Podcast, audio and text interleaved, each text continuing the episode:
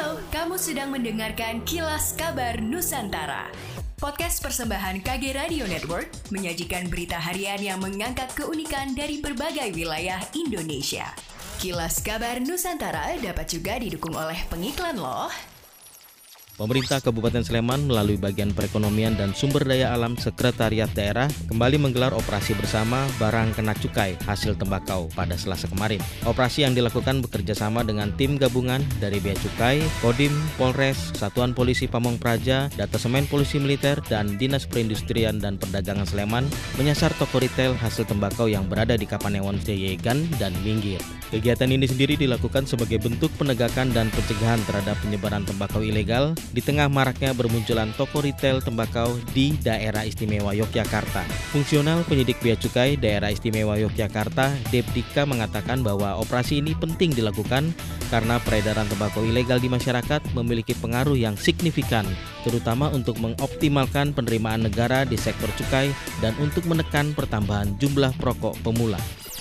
Pengen belajar tentang digital marketing, wirausaha, pengembangan diri, dan topik inspiratif lain dari narasumber ahli di bidangnya? Dengarkan podcast Obsesif persembahan KG Media hanya di Spotify.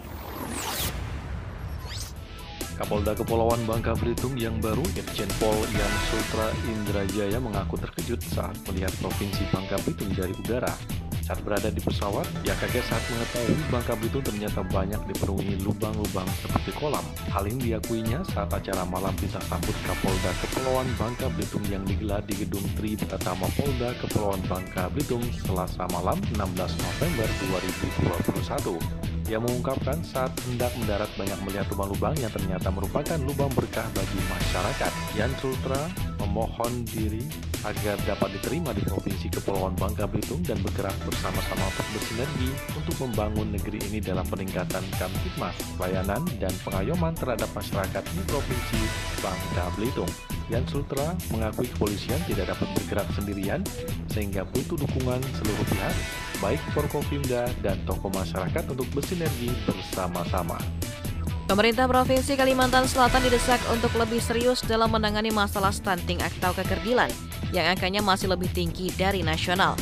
Berdasarkan hasil riset kesehatan dasar tahun 2018, tingkat stunting nasional berada di angka 30,8 persen, sedangkan Kalimantan Selatan mencapai 33,08 persen.